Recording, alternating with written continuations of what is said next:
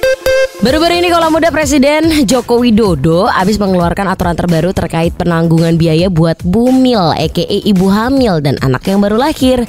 Jadi disebutin akan ada peningkatan akses pelayanan kesehatan buat persalinan buat masyarakat. Di instruksi Presiden Republik Indonesia atau Inpres nomor 5 tahun 2022 yang baru disahin tanggal 12 Juli kemarin, dibilang akan ditingkatkan tuh akses pelayanan kesehatan ibu hamil, bersalin, nifas dan bayi baru lahir lewat program jaminan persalinan yang disesuaikan sama manfaat manfaat dari program jaminan kesehatan nasional. Jadi sekarang masyarakat tuh nggak perlu khawatir lagi gitu loh soal kekurangan biaya buat persalinan atau perawatan bayi baru lahir. Nah, ini baru solusi Bel. Soalnya kan banyak beberapa orang yang pengen melahirkan bingung gitu sama biayanya. Adanya kayak gini nih, kita udah jadi nggak usah kepikiran deh. Lo udah siap untuk melahirkan Bel? Ya, bu, nggak gitu juga dong Pak. Saya kan coba bawain info, tapi mungkin one day bisa berguna ya. Cuma sebenarnya nih, target program itu adalah masyarakat miskin dan tidak mampu. Makanya Menkes juga diminta untuk melakukan pendataan data tersebut nanti supaya bisa menetapkan sasaran ibu hamil bersalin nifas dan bayi berlahir untuk program tersebut. Terus juga buat kita-kita yang mungkin nggak hitungannya nggak miskin atau kurang mampu ya, tapi program itu juga bisa sejalan sama BPJS Kesehatan Masyarakat. Jadi dalam program yang berbeda berbeda gitu loh, tapi sama-sama ditanggung pemerintah. Berita yang bagus ya kaula muda, jadi semua bisa merata gitu loh, karena kan kesehatan is kesehatan, harusnya tidak memandang status sosial atau background seseorang gitu. Jangan lagi deh, udah darurat, eh disuruh ngantri.